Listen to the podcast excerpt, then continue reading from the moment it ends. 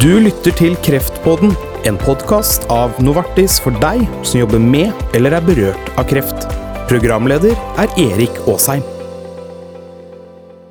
Og det, sant, denne studien, hvis du er med på det, sant, da, gjør, da, blir det også mindre si, attraktivt å, å reise til utlandet og, og mm, liksom, bruke mye av sin energi nettopp akkurat på det å lete etter, etter ting rundt omkring i verden. Ja, jeg tenker at det er også en, en eh, ikke uvesentlig nytte av det, at pasienter føler at nå er vi liksom i toppfronten i Norge og kan bruke presisjonsmedisin på en sånn måte at de føler at vi har snudd alle steinene som kan snus, som jeg sa i stad. Velkommen til eh, Kreftpodden, Egil Støre Blix. Tusen takk, Erik. Du er onkolog ved Tromsø universitetssykehus, og så er du også medlem i Norsk brystkreftgruppe. Og du har vært eh, kreftlege siden 2002. Eh, og i 2021 så, så jeg på statistikken, så fikk 4023 eh, mennesker brystkreft i Norge. Og Temaet for denne episoden av Kreftpodden det er metastatisk brystkreft anno 2022. Og metastatisk brystkreft innebærer at celler fra en eh, brystkreftsvulst har spredt seg til organer utenfor det aktuelle brystet og nærliggende lymfeknuter, slik som til lymfeknuter lenger unna brystet, skjelett, lever, lunge og hjerne. Og det er det vi skal snakke om i dag. Hvordan vi behandler de ulike gruppene da av eh, metastatisk eh, brystkreft. Det er altså tre undergrupper som vi nå skal ta eh, for oss, gruppe for gruppe, Egil Støre Blix. Og La oss begynne da med HER2-positiv brystkreft. Hva er det som skjer der for tiden? Jo, Erik, der skjer det jo utrolig mye spennende. Altså, fra å være en type brystkreft som vi var ordentlig bekymra for i gamle dager, så eh, har det nå kommet masse eh, behandling som vi ser fører til at pasientene lever lenger. Mm. Så her har det vært utrolig mye fint som har skjedd også bare de, de siste årene. og Senest nå på en stor kongress eh, i USA før sommeren så var det jo eh, stående applaus for ett av de nye medikamentene. Så her er det stor entusiasme i, i fagmiljøet. Mm. Og hva er det helt konkret som skjer? Jo, eh, det som har skjedd, er egentlig en prosess som har gått nå i, eh, i 20 år, hvor det kommer inn eh, såkalte moderne antistoffer som binder seg på disse HER2-positive brystkreftcellene og bidrar til at de dør. Mm. Og det vi ser nå, det er det at overlevelsen den øker jevnt og trutt. Slik at fra å være en type man var bekymra for på 90-tallet, så ser vi det at at uh, gjennomsnittlig overlevelse nå har, uh, har bikka over fem år. Mm. Og, og uh, en av de mer kjente studiene her, så ser man det at 16% av pasientene faktisk er uten tegn til at sykdommen vokser etter, etter åtte år. Mm. Og da er det til og med noen modige kollegaer borte i USA som begynner å skrive om at uh, her ser vi da for første gang kanskje muligheten til at noen kan bli kurert av brystkreft med spredning. Noe som egentlig har vært helt uhørt å, å tenke og si som fagperson frem til nå. Mm, så her er det håp, altså? Ja, jeg skal ikke jeg må være litt nøktern og kjedelig fagperson også og si at det er jo ikke alltid sånn, men, men vi ser også hos oss at vi har en, noen få pasienter Eh, vi klør oss litt i hodet om hvorfor det er noen, men ikke alle. Men vi ser noen som kan leve med sykdommen i, i lang, lang tid. Mm. Eh, og så er vi ikke så modige at vi sier at det blir frisk, men, men vi ser at det er håp. Mm. Eh, bare slik at vi skiller de tre gruppene litt fra hverandre her, bare, hva er det som kjennetegner her to uh, uh, brystkreft? Jo, eh, veldig enkelt så betyr det bare det at på disse kreftcellene så er det da et eh, molekyl som heter HER2.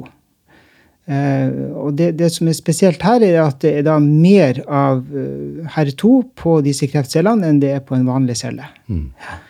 Og vi, vi, er jo enkle mennesker, så vi har delt dette inn i, i, i positiv og negativ i alle år. Mm. Så enten har du mye, eller så har du lite. Mm. Eh, men nå, eh, i løpet av det året her, så har det selvfølgelig dukket opp en, en sånn mellomgruppe, en, en sånn gråsone. Mm.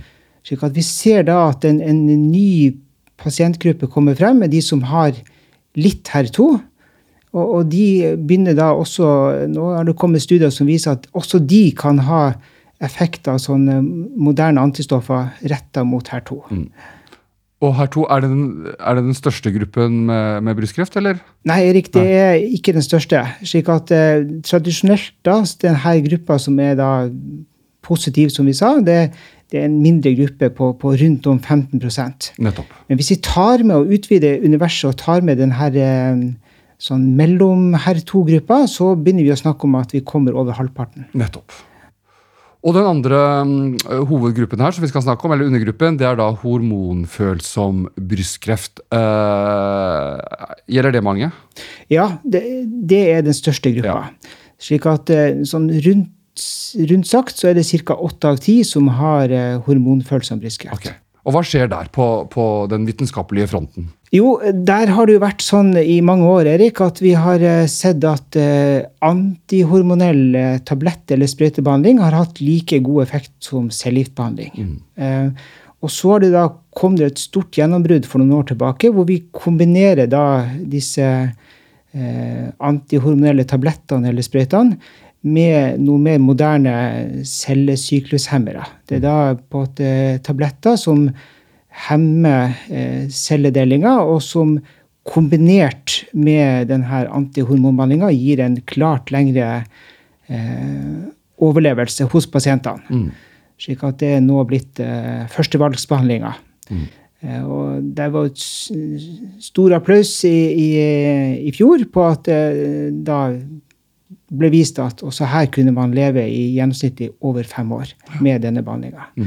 Så også her har det vært mye positivt de siste årene. Mm. Og øh, den siste gruppen vi skal snakke litt om, det heter da trippelnegativ øh, brystkreft. Uh, hvor mange er det som er berørt av denne kreftformen? Relativt liten gruppe. 10-15% litt avhengig av hvem som teller. Eh, litt pussig navn, ikke sant? Trippelnegativ, hva betyr det? Men det, det høres ikke bra ut, for å si det sånn. nei, nei, nei, og det er dessverre ikke bra heller. Mm. Det er den gruppa hvor vi har eh, frem til nå vært eh, mest eh, short for, for, kule ting. Ja. Men det begynner å skje noe bra der også. Slik at for denne gruppa, og vi kaller den trippel negativ, for den da ikke er såkalt positiv for hormon, altså østrogen og progesteron, og, og sist ikke for HER2. Så mm. når den ikke har disse tre, så er en trippel negativ. Hvordan er det man behandler denne uh, gruppen med mennesker nå? Jo, det har jo vært, uh, frem til nå så har det vært uh, cellegiftbehandling. Ja. Sånn tradisjonell cellegiftbehandling som de fleste kan ha et bilde av. Men så har det jo kommet litt gode nyheter også her de siste årene. Slik at både immunterapi, som er godt kjent i, i kongeriket nå, men, men, også litt mer moderne antistoffbehandling.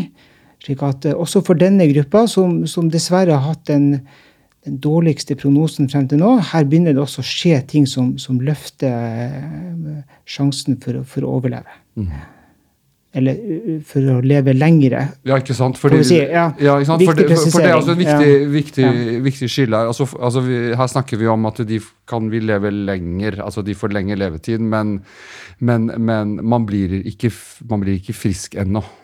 Nei, vi, vi, vi, tør jo ikke å si det. Jeg brukte ordet overlevelse, for når vi vurderer studier, så snakker vi ofte om det vi kaller for eh, median overlevelse. Altså mm. hvor, hvor lenge man gjennomsnittlig kan leve med sykdommen. Eh, og det har jo dessverre vært eh, kortere tid med denne undergruppen enn med de to andre. Men, men med immunterapi så ser vi det at noen relativt få pasienter begynner også å kunne leve en god stund med moderne immunterapi sammen med cellegiftbehandling. Mm. Så for alle disse tre gruppene så kan man altså slå fast nå at uh, personer som får diagnosen metastatisk brystkreft, de lever Eh, lenger nå enn en tidligere. Ja, altså vi, blant annet så kom det et spennende eh, artikkel fra Frankrike for eh, et par år siden, hvor de hadde sett på sånn virkelige data fra franske sykehus. Pasienter behandla mellom 2008 og 2016. Og hvis vi sammenligner de dataene der med, med, det vi ser på de siste studiene, så ser vi at for alle disse tre gruppene, så, så, er det håp om å leve lengre nå enn man gjorde for, for ti år siden. Og så har man da alltid dilemmaet eh, eh, overlevelse versus livskvalitet. Eh, og, og, og, hva kan du si om det? Altså, altså, I forhold til senvirkninger, altså, hvordan er det man lever med det nå? Ja, eh, Godt spørsmål, Erik. Altså, det er noe som også eh, i forskninga skal ha eh, fokus på fremover, dette med livskvalitet. For det, det er ikke alltid sånn at mer av det gode er det beste. Og det er jo fristende å tenke at en del av den moderne behandlinga har mindre bivirkninger. Det kan være sånn, men av og til så, så er det dessverre også moderne behandling som kan gjøre at hverdagen blir vanskelig. Mm. Men, men jevnt over så, så, tar jeg sjansen på å si at en del moderne målretta behandling eh, ofte tåles eh, relativt godt. Mm. Ja. Men, men, det er jo nye, som du, som du, forteller på disse tre undergruppene altså det, det er nye medisiner, medisingrupper. Eh, det er mer liksom, flere typer behandling samtidig, ikke sant? Altså, som også er nytt. altså Rekkefølgen, hvordan man, hvordan man eh, setter i gang hele, hele behandlingsforløpet. Og, og, og, hva har det hatt å si for, for, for bivirkninger, for seneffekter? Altså, Vet vi noe om det? Ja, vi, vi, vet eh, en god del om det. Altså, og, og, eh, generelt sett så kan vi si at vi vet at én av tre pasienter som har brystkreft, og som får eh, behandling, med kjemoterapi får eh, seneffekter. Ja. Eh, kronisk slitenhet, altså det som heter fatigue på, på, på dårlig norsk, og, og eh, plager med, med nummenhet i fingre og tær, ser vi hos mange pasienter.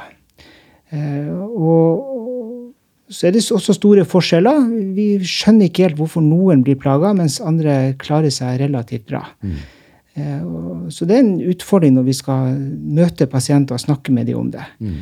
Eh, men det er også en viktig del av eh, det samvalget som vi gjør når vi skal tilby ny behandling. At vi snakker litt om forventa bivirkninger. Eh, man kan miste håret. Noen, noen, medisiner gjør at man ikke gjør det. Man kan bli kvalm, andre tåles bra. Og man kan få slitenhet. Altså. Mm. Så dette må vi på en måte sette oss ned sammen med pasienten og, og gå litt gjennom før man lager en plan. Mm. Det er så stadig nye eh, gjennombrudd, eh, Egil Støre Blix. Og, og, i løpet av de siste 10-20 årene så, så, er kartleggingen og behandlingsmetodene blitt veldig forbedret. Hva vil du si har vært det viktigste gjennombruddet eh, når det gjelder da behandling av eh, metastatisk brystkreft? Åh, oh, det er Hva vil du ha i godteriposen? Nei, altså det, det, Får jeg lov til å velge to, da, Erik? Ja. Eh, da får vi peke på eh, disse her to antistoffene. Mm. Eh, også fordi at de nå begynner da å utvide gruppa. Det ikke bare er snakk om 15% men kanskje også en større gruppe som kan ha nytte av de. Mm. Og så må vi peke på immunterapi, fordi at noen pasienter med denne alvorlige trippelnegative kan ha effekt av det. Mm. Så det var, det var to. men det er flere. Ja. Det er flere, ja. Og så er du, som jeg nevnte, medlem i Norsk brystkreftgruppe. og Den består av eh, Norges fremste eksperter innenfor brystkreftsfaget, og er bl.a. ansvarlige for nasjonalt handlingsprogram med retningslinjer for diagnostikk, behandling og oppfølging av pasienter med brystkreft. Eh, hva er de viktigste diskusjonene der nå?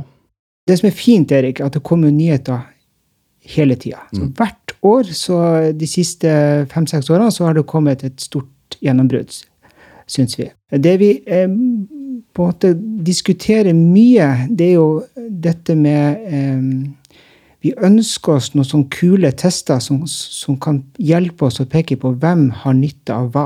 Mm. Eh, der, der, plages vi. Slik at det å, og dette er også et internasjonalt måte, problem. Vi kaller det for biomarkører. Altså en eller annen prøve man kan ta som kan gi en et hint om eh, at uh, fru Hansen har nytte av behandlingen, men ikke fru Olsen. Ja. Uh, og, og, det å få sånne markører vil også være et uh, godt argument når vi skal få myndighetene med på laget mm. til at dette er behandling som pasientene i Norge skal få, og helst fort. Mm. Så det bruker vi mye tid på. Vi har møte på et, egentlig hvert på et kvartal hvor vi oppsummerer kunnskapsfronten da, og prøver å sette det i system. Mm. Og så, med, med både nye medisiner, nye behandlingsformer, nye kombinasjoner eh, så tenker jeg på Hvordan virker det inn på, inn på det eksisterende pakkeforløpet som vi har? Altså, eh, må må man stadig vurdere eh, pakkeforløpet, og er det noe som gjøres da likt på alle sykehus, eller er det, eller er det litt opp til, opp til hver kreftlege å, å måtte ta de vurderingene? Ja, Det var et godt spørsmål, Erik. Altså, det er klart at det er satt eh, sånne pakkeforløpsfrister som er ganske strengt eh, førende for, for når vi skal gå frem, med kalenderdager og sånn. Men eh, samtidig så ønsker vi oss da eh, kule laboratorietester som skal være med å persontilpasse behandlinga. Men det kan jo ta ukevis, det. Mm. Slik at eh, Av og til så må vi da faktisk eh, si at det er i pasientens eh, interesse at vi, vi venter med å få alle kortene på bordet før vi kjører av gårde. Hei, jeg heter Anita Fredriksen. Og jeg er Anita Henriksen. Så fint at du lytter til Kreftpodden. Denne podkasten er et initiativ fra Novartis for å fremme kunnskapsdeling og faglige diskusjoner innen fagfeltet onkologi. Den er ment for deg som jobber med eller er berørt av kreft. Vi spiller stadig inn nye episoder for å kunne utvikle podkasten med dagsaktuelle tematikker. Følg med og abonner på Kreftpodden, så blir du varslet når det kommer nye episoder. Du hører på Kreftpodden, øh, og jeg, Erik Aasheim, har besøk av kreftlege Egil Støre Blix. Og øh, Egil, øh, la oss se litt framover. Um, Du er også involvert i det vi kaller Impress-studien. Altså, det er altså en stor nasjonal studie for utvikling av presisjonsmedisin, som du nevnte, altså eller persontilpasset eh, medisin innen kreftbehandlingen. og Målet er å tilby målrettet behandling til flere norske kreftpasienter gjennom å bruke legemidler som allerede er, er godkjent for bestemte kreftdiagnoser, for nye krefttyper basert på genetiske forandringer. Og Hva gjør dere helt konkret i denne studien? Jo, det, dette er jo et eh, initiativ ifra, eller det er en inspirasjon fra Nederland, hvor de har gjort dette i, i flere år. Eh, og eh, erfaringene fra Danmark som tyvstarta litt for oss, var det at eh, i tillegg til at noen pasienter får hjelp med behandling som kan føre til at de kan leve lengre, så var også erfaringene fra danske pasienter at det var færre pasienter som møtte opp på sykehuset for å få ut eh, journal og, og vevsprøver for å dra til, til utlandet. Man, altså pasientene følte at her ble hver stein snudd. Og så har det da begynt sånn forsiktig i Norge, men vi, vi har eh, fartsdumper på veien. Det er, er begrensning på laboratoriekapasitet. Det er under oppbygging nå. Slik at etter hvert så skal alle universitetssykehusene tilby da litt avansert laboratoriediagnostikk. Eh, og så vil det også være avhengig av hvor mange medikamenter vi har på hylla. For dette er jo et eh, spleiselag med industrien som tilbyr medikamenter, slik som i Nederland. Ja. Men vi, vi har kommet godt i gang og, og eh, hatt en bratt læringskurve. Eh, noen kollegaer er litt frustrert fordi at de syns at det er litt for liten sjanse til å få treff. Men eh, til nå så har én av fire pasienter eh, fått et treff hvor vi kan tilby behandling. Og eh, en annen fjerdedel har fått et treff hvor det kan tilbys deltakelse i en annen studie eller en annen medisin som ikke er del av Impress-hylla. Og da du snakker om, om, om, om treff, da, da, da snakker du om bl.a. det dere gjør, nemlig en genpanelanalyse. Kan du forklare litt, hva innebærer det egentlig? Jo, det innebærer det at eh, for en pasient som skal være med i press, eh, og som blir prioritert å være med i press, For dessverre så er det sånn nå at eh, fordi at det er trangt i døra på laboratoriet, så må vi gjøre en prioritering der. Eh, vi ønsker å få med alle, og det er målet. Men hvis da vi, vi kan teste en pasient, så, så går vi da i arkivet, henter fram en gammel ve- vevsprøve. For det har så å si alle pasientene. Og så eh, bruker laboratoriet da en måned. Eh, det er litt avansert laboratoriearbeid her. Så de bruker en måned på å eh, gjøre en sånn analyse av 500 av de vanligste kreftgenene. Akkurat. Og så har vi møte. Så da, og det, dette har jo vært eh, også kult for eh, noen som sitter oppe i nord. For da har vi fått til å ha digitale møter to ganger i uka, slik at eh, kunnskapen om presisjonsmedisin i kongeriket nå, den har gått ganske kraftig opp det siste året. Altså. Mm. Men hva er det man kan uh, liksom da finne ut i disse, disse avanserte uh, genprøvene? Altså jo, altså da uh, Som du var inne på, Erik, altså dette er jo i Impress så bruker vi da medisin som allerede er godkjent. Men det kan da f.eks. være sånn at en pasient som har lungekreft, etter å ha gjort en sånn genanalyse, så finner man ut at eh, her var det da et, en forandring inni genene som gjør at en brystkreftmedisin kanskje kan virke. Nettopp. Og, det, og det, det, det, som virker på én, det virker ikke nødvendigvis på, på en annen. Dette er veldig, veldig individuelt. Ja, og det er sånn at ofte når vi tenker på gener, så tenker vi sånn ja-nei. Mm. Eh, men sånn er det jo ikke, dessverre. Slik at det er da eh, ett gen, der kan det være mange forskjellige forandringer. Mm. Noen forandringer er signifikante, altså har en betydning for virkning av medisin, mens andre ikke har det. Mm. Og der er det forskere rundt omkring i verden som, som fortsatt ikke helt har forstått dette. altså. Eh, hvem har nytte av hva? Hvem kan være med på denne studien? Alle pasienter som har eh, kreft med spredning, og der eh, legen eh, til pasienten sier at her har vi prøvd all behandling som er anbefalt. Slik at man har kommet til den triste dagen hvor, hvor legen sier at nå, nå virker ikke behandlinga lenger. Mm. Da kan man på en måte søke uh, om å få plass i, i Impress-studien. Ja. Du nevnte at det var en studie som var inspirert av arbeid allerede gjort i Nederland. Og, og hva vet man om resultatene der, altså siden de har holdt på lenger enn oss? Jo da, de, de, de eh, skrev jo om det her for et par år siden. Og, og, kort fortalt så sa de i Nederland at én uh, av tre pasienter som uh, begynte behandling i Nederland, hadde nytte av det. Ja. Og dette er jo pasienter hvor, hvor man har kommet dit at standardbehandlinga ikke virker. Mm. Ja.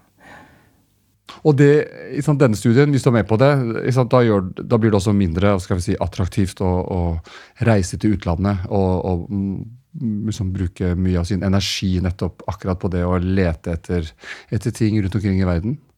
Ja, jeg tenker at det er også en, en eh, ikke uvesentlig nytt av det, at pasienter føler at nå er vi liksom i toppfronten i Norge og kan bruke presisjonsmedisin på en sånn måte at de føler at vi har snudd alle steinene mm. som kan snus, som jeg sa i stad. Men Du nevnte at det er en del, det, altså fremdeles en del, del fartsdumper her. Uh, du nevnte laboratoriekapasitet. Uh, altså, burde vi ikke klart å få til det som et av verdens beste helsevesen? Ja, eh, det tror jeg alle er enig i. Samtidig så er det greit å minne om at dette er ikke noe som tilbys rutinemessig til noe land i Europa. Nei. Eh, og vi har vært og besøkt våre gode naboer litt lengre øst, eh, som vi ofte sammenligner oss med, både i skispor og ellers. Men, men vi, vi, var Hvis jeg skal være litt sånn diplomatisk, så mm. lå vi ikke noe bak de. Nei. Nei. At, og, og, så kunne man da sagt at vi vi venter med å begynne til vi har alt oppe å gå. Men det sa vi at det, vi vil ikke vente på det, så vi, vi, får begynne, og så får vi gjøre så godt vi kan. Og så satser vi på at vi får en gradvis oppbygging mm. etter hvert, og, og, og, få politikere med på laget på at uh, her må det satses. Og det har jo også vært sendt øremerka midler til universitetssykehusene, slik at man kan bygge opp uh, et sånt fagmiljø. Mm. Men det, det, er ikke bare å kjøpe utstyr. Vi må også da ha flinke folk som er gode på det vi kaller for bioinformatikk. Og vi må ha ingeniører og sånn, slik at det, det er et stort teamarbeid, det her. Og vi, vi må rett og slett bygge kompetanse sjøl. Vi kan ikke kjøpe det her fra utlandet. Mm. Når kan vi vente å få noen eh, resultater fra, fra den norske Impress-studien? Du, det, det, har kommet. Ja. slik at vi, vi, har sendt ut en liten sånn foreløpig statusrapport og så tror jeg det at det, det, vil komme mer forskningsartikler nå i løpet av eh, det neste året. Mm, men hva står det i den foreløpige statusrapporten? Nei, Det står at vi, har, eh, at vi har kommet i gang, at vi har fått et samarbeid Eh, og så eh, har vi også da på, på møter snakka litt om at vi, vi, ser at vi får nytte hos én av fire pasienter. Tre ting å ta med seg fra denne samtalen. For det første så ser vi det at pasienter med brystkreft lever lengre nå med spredning enn de gjorde for ti år siden. For det andre så ser vi det at eh, det kommer ny behandling som også har nye bivirkninger som vi må lære oss å håndtere. Og for det tredje så ser vi det at uh, ny behandling også fører til at vi trenger nye tester eller biomarkører som sier hvem som har nytte av behandlingen. Takk for eh, besøket, Egil Støre Blix. Du er onkolog ved Tromsø universitetssykehus, og du har hørt på Kreftpodden, og jeg heter eh, Erik Aasheim. Takk for følget.